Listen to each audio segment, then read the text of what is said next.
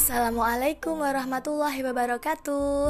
Hai anak-anak Indonesia, Bu Evi di sini. Bu Evi suka mendengarkan cerita. Dongeng pun juga suka.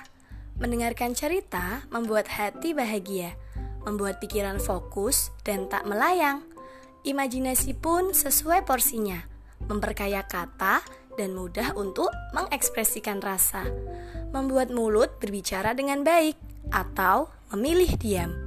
Selamat mendengarkan candu, cerita, dan dongeng untukmu.